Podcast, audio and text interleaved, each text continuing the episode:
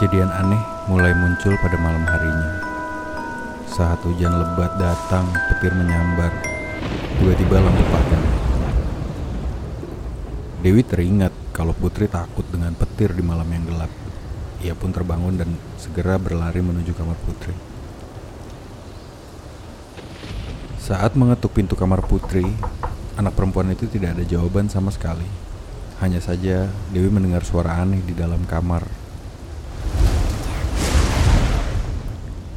Dia mencoba mengetuk pintu keras dan berteriak memanggil nama Putri. Dewi mencoba memutar kendor pintu, namun seperti ada yang mengganjal dari dalam. Petir masih menggelegar. Di setiap kilatan petir dan suara guntur terdengar suara bisik-bisik.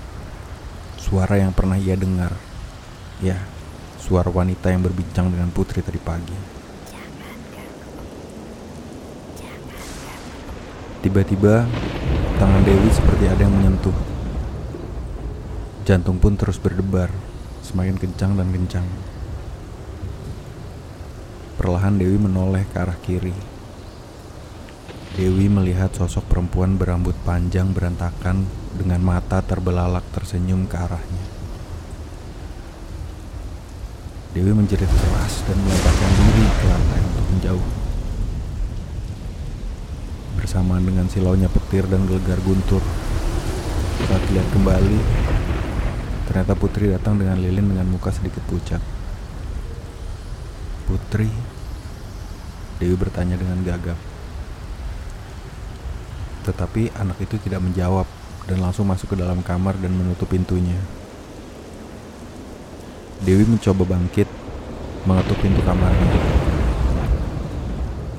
Lagi-lagi tidak ada jawaban. Saat Dewi terus mengetuk pintu, ada bisikan dari belakang. Bisikan serau. Ia sekarang. Dewi melihat ke belakang. Sekali lagi perempuan berambut panjang bermata terbelalak itu menampakkan diri. Lagi-lagi Dewi terkejut dan ketakutan. Dia berlari. Tapi ada tangan yang memegang kakinya hingga Dewi terjatuh. Tangan tersebut bersimbah darah. Sementara petir terus menggelegar, tiba-tiba muka Dewi hanya berjarak satu sentimeter saja dengan sosok perempuan itu. Tercium bau busuk, anyir, senyum yang menampakkan gigi-gigi yang sudah hancur.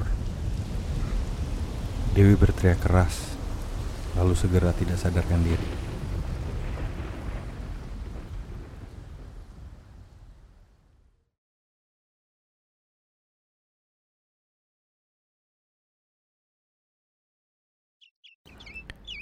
Pagi menjelang.